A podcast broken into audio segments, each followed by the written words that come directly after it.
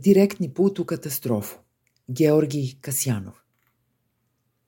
Interesovanje za istoriju Vladimir Putin pokazao je već u početnim etapama svog javnog života.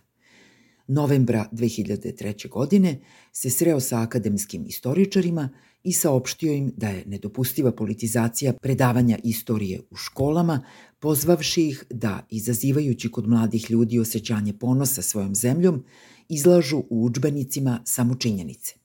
Čudnim sticajem okolnosti, samo dva dana pre tog susreta, Ministarstvo obrazovanja Ruske federacije povuklo je dozvolu da se u školskoj nastavi koristi prilično popularan učbenik Igora Doluckog, koji je veoma kritički opisivao sovjetski period istorije Rusije.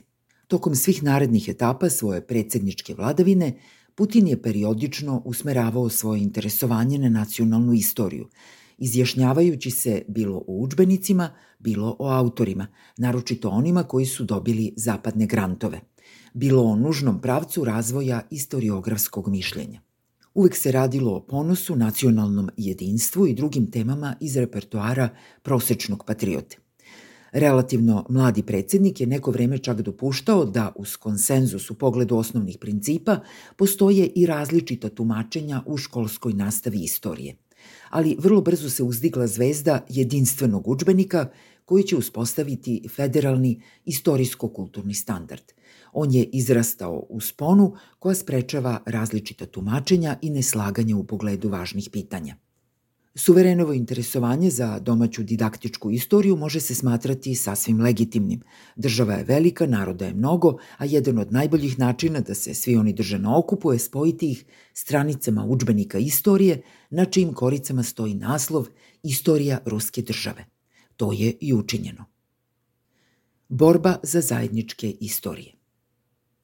Međutim, Putin je odlučio da se ne pobrine samo o domaćim poslovima, već i o inostranim, na početku bližim, a potom sve udaljenijim. Najbliže i najinteresantnije inostranstvo mu je bila Ukrajina koju, kako se brzo pokazalo, ovaj ljubitelj praktične istorije uopšte nije ni smatrao inostranstvom.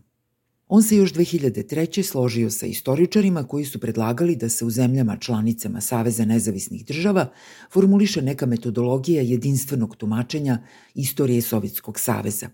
Upravo u to vreme počela je sa radom Rusko-Ukrajinska komisija istoričara u kojoj je ruska strana isprva pokušala da raspravlja pitanja jedinstvenog tumačenja – Međutim, zbog uporne želje Ukrajinaca da svoju istoriju opisuju sa sobstvenih pozicija, uskoro je odustala od tih beznadežnih pokušaja.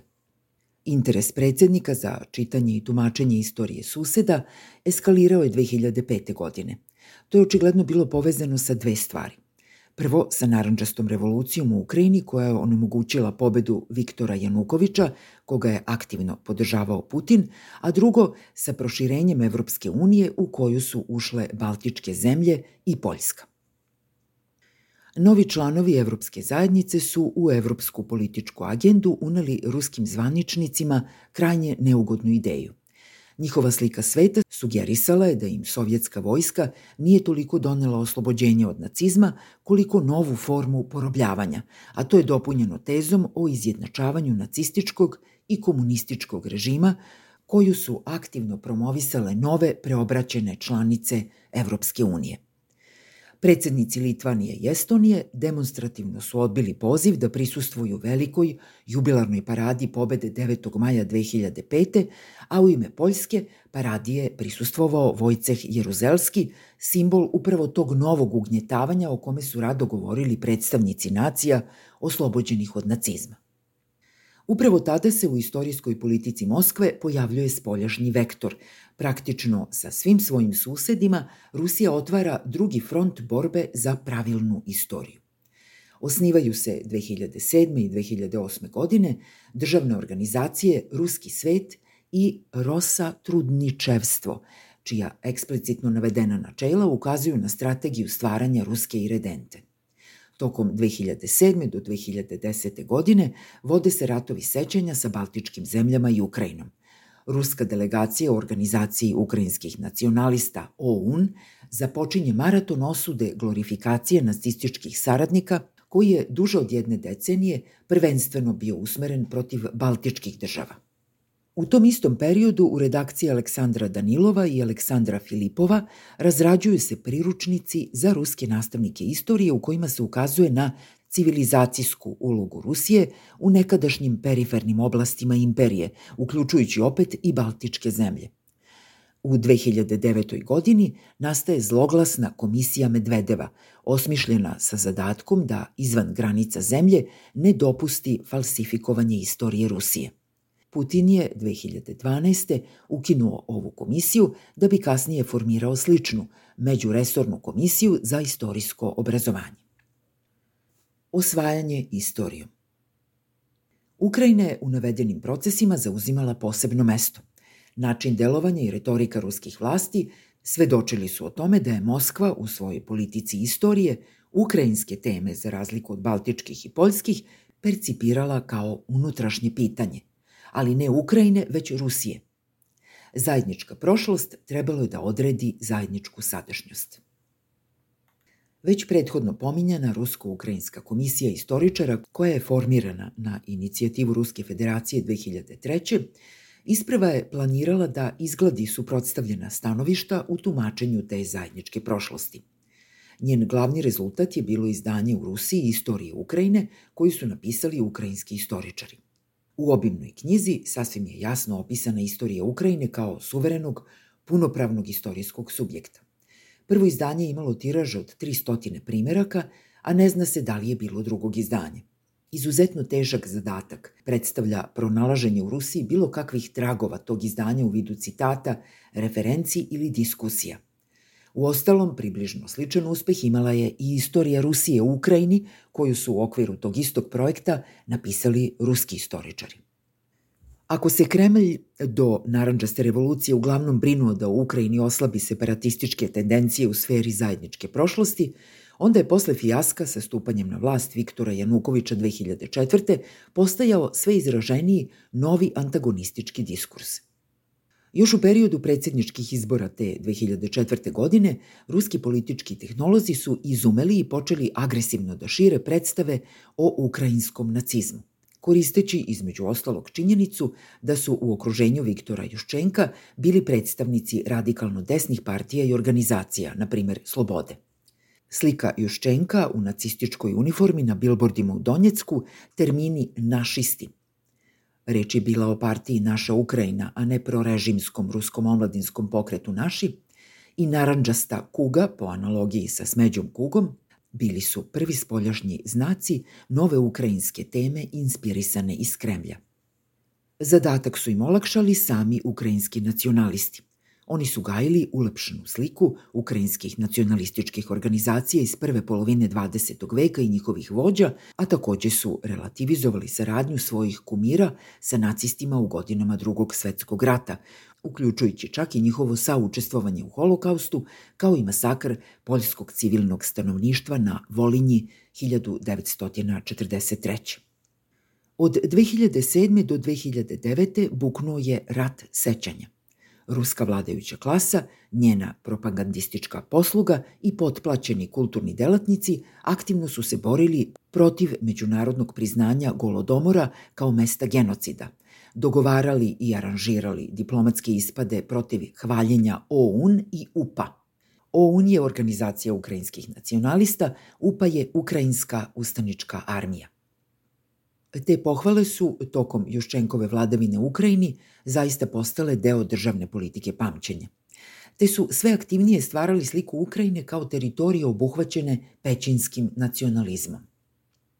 Putin je 2008. godine istupio sa izjavom koja se može smatrati programskom. Ne znamo šta je on stvarno čitao od dela klasika imperialne istoriografije, ali na samitu NATO u Bukureštu njegova retorika je prvi put dovoljno jasno označila reviziju koncepta zajedničke prošlosti u pravcu ideje o sakupljanju ruskih zemalja. Kao prvo, ovaj ljubitelj čitanja istorijskog štiva je ukazao na okolnost da su u savremenoj Ukrajini trećina stanovništva Rusi, a na Krimu i više od toga. Kao drugo, saopštio je da je Ukrajina složena država stvorena u sovjetsko vreme, to jest sasvim nedavno – Treće, slušalci su saznali da je ta država neke teritorije dobila od suseda i ogromne teritorije od Rusije. Četvrto, da uvođenje pitanja NATO-a u razmatranje perspektiva Ukrajine ovu zemlju može dovesti na rub postojanja same njene državnosti. Lako je uvideti da ove teze predstavljaju osnovu putinskih predstava o Ukrajini kao istorijskom subjektu. Ukrajina nije stvarna država, ona je sastavljena od odrezaka tuđih teritorija. Kao takva, ona postaje plen zlog NATO-a umesto da živi u harmoniji sa Rusijom. U vreme predsjedničkog mandata Janukovića, koji je ipak došao na vlast 2010. antagonizam oko zajedničke prošlosti je donekla oslabio. Međutim, u septembru 2013. Putin je još jednom odlučio da sa javnošću podeli svoje poglede o istoriji Ukrajine. Ponovo je, kao i pet godina ranije, skriveni povod za to bilo približavanje Ukrajine zapadu. Ovog puta to je bio sporazum o pridruživanju Evropskoj uniji. U intervju Associated Pressu, posvećenom mnoštvu drugih pitanja, predsjednik Rusije je saopštio da su Rusi i Ukrajinci jedan narod, kršten u istoj istorijskoj krstionici. Izjavio je kako se divi ukrajinskoj kulturi, muzici i plesu, te da poštuje želju Ukrajinaca da žive u odvojnoj državi, ali je ponovo spomenuo teritorije koje Rusija poklonila Ukrajini i podsjetio kako bi se samo u zajedničkoj državi sa Rusijom, ujedinjenjem, oba dela drevne Rusi, Ukrajina pretvorila u veliku evropsku državu. Od zauzimanja istorije ka zauzimanju zemlje. Rekavši da poštuje želju Ukrajinaca da se integrišu u Evropu, Putin je istovremeno otpočeo carinski rat sa Ukrajinom da bi posle toga izdejstvovao otkazivanje sporazuma o njenom pridruživanju Evropskoj uniji. To je u Ukrajini izazvalo građanske proteste koji su u zimu 2014. prerasli u masovni ustanak protiv Janukovića, Evromajdan. Iskoristivši revolucionarni haos, Putin je anektirao Krim i podstakao oružani sukob u Donbasu, koji je prerastao u hibridni rat Rusije protiv Ukrajine. Istorije i sećanje postali su deo tog rata – Kult velike pobede u Rusiji sve više se pretvarao u kult militarizma i pobedničku histeriju, pobedobesije, koja se u najradikalnijoj formi izražava sloganom možemo ponoviti i u opravdavanju hibridnog rata protiv Ukrajine. Taj kult je u Donbasu uspešno pretočen u ideju da se upravo tamo produžava delo 9. maja. Ono što mi nismo završili 45. sada završavamo boreći se sa fašistima, dželatima, banderovcima. Kao što vidimo, to se na kraju pretvorilo u ideologiju pravog i potpunog rata protiv Ukrajine. Istovremeno je razvijena tema istorijskih zemalja. Obrazlažući akt aneksije Krima u martu 2014. Putin je izjavio kako je Krim, kao i teritorije Juga Rusije, bio ilegalno, poput vreće krompira, prenet u Ukrajinu. Očigledno zaboravio je da se to dešavalo u području na kome živi onaj jedan te isti narod koji je ranije pominjao – jer ako su Ukrajinci i Rusi jedan narod, kakve onda ima veze ta vreća krompira? Upravo tada je na površinu isplivao projekat Novorusija. Aprila 2014. Putin je, odgovarajući na pitanje gledalaca, u direktnom prenosu javnost obavestio o još jednom istorijskom otkriću. Tada je u Novorusiju uključio Donjeck, Lugansk, Harkov, Nikolajev, Herson i Odesu te ponovo izrazio zbunjenost odlukom bolješevika da te teritorije prenesu u Ukrajinu. Na sastanku kluba Valdaj u oktobru iste godine on je ponovio ovu njemu omiljenu lekciju istorijske geografije, prateći je ritualnim uveravanjima o poštovanju suvereniteta Ukrajine. Kao posledica ovih istorijskih lekcija nastao je politički projekat stvaranja Novorusije, za sada sastavljene samo od separatističkih narodnih republika Luganska i Donjecka. Čak je bio sazvan i neki parlament Novorusije, međutim projekat je odložen, iskrsli su hitni poslovi u Siriji. Vremenom je ovaj čitalac istoriografskih radova odlučio da se isproba i u ulozi pisca. U leto 2021. Putin je obradovao javnost opširnim člankom o istorijskom jedinstvu Rusa i Ukrajinaca. Članak je postao svojevrsna zbirka svih njegovih prethodnih izjava i razmišljanja o jedinstvenom narodu, o zajedničkoj istoriji, o posebnim pravima Rusa u Ukrajini, o ukrajinskim nacionalistima nacistima, te o teritorijama koje je Ukrajini poklonila dobra Rusija. Objavljen na ruskom i ukrajinskom jeziku, članak je izazvao kratku eksploziju u medijima – a među brojnim komentatorima Od oduševljenih do podsmešljivo ironičnih, izdvojilo se saopštenje o tome da je Ministarstvo odbrane Ruske federacije preporučilo da se u vojnim školama članak vrhovnog komandanta uvrsti u spisak obavezne literature. Mnogi su ovu vest smatrali soldatsko-birokratskom egzotikom. Sada ona ne izgleda baš tako komično. Izbrisati istoriju, izbrisati zemlju – Glavne teze svog članka vrhovni komandant je revnosno ponovio 21. februara 2022. u ništa kraćem govoru koji je prethodio početku krvave tragedije koja se u njegovom izvođenju sve brže pretvara u jezivu farsu. Novopečeni pisac istoričar sada se već okušao o ulozi istorijskog rekonstruktora. On tu sebe poredi sa Petrom Velikim i pretenduje na ulogu sabiratelja ruskih zemalja.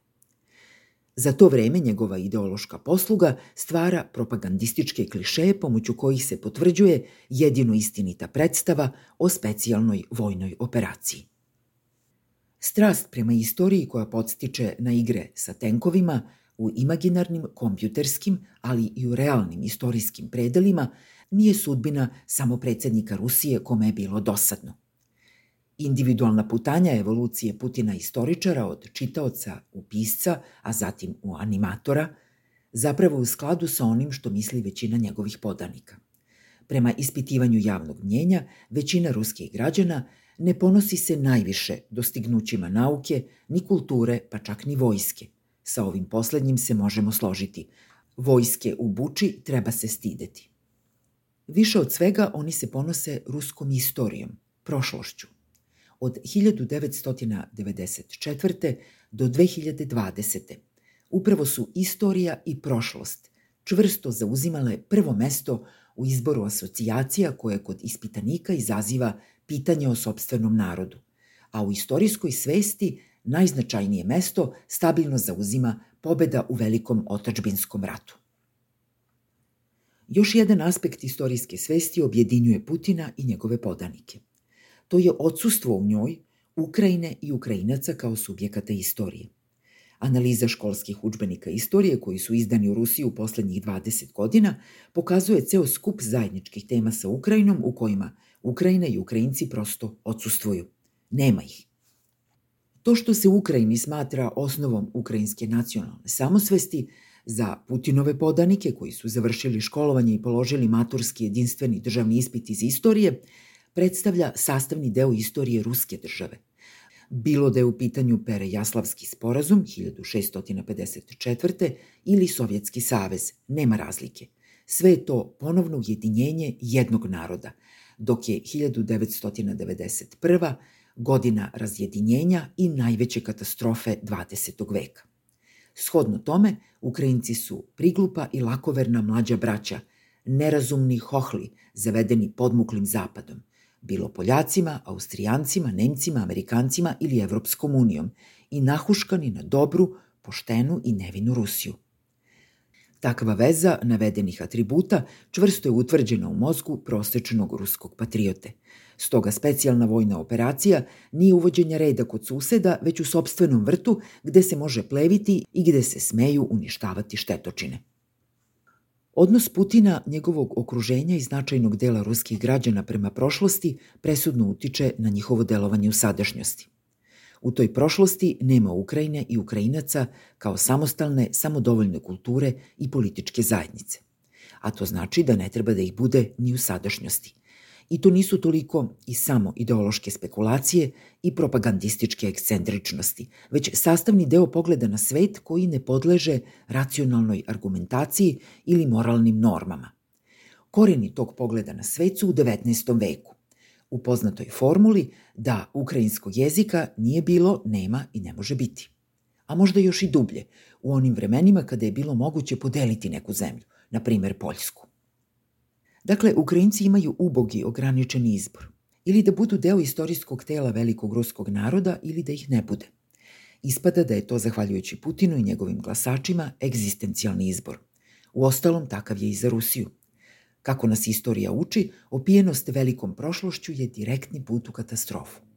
Nepoznavanje istorije je u ovom slučaju ravno zločinu. Nepoznavanje istorije Ukrajine, kao i nepoznavanje Ukrajine kao takve, dovelo je do divljačke, zločinačke odluke da se započne rat ne sa bilo kim, već sa delom navodno jednog naroda. Međutim, do onog pasusa u knjizi Ključevskog u kome se govori o tome da istorija kažnjava za nepoznavanje njenih lekcija, Putin po svemu sudeći nije stigao i malo je verovatno da će do njega stići jer sada je i on sam istoričar.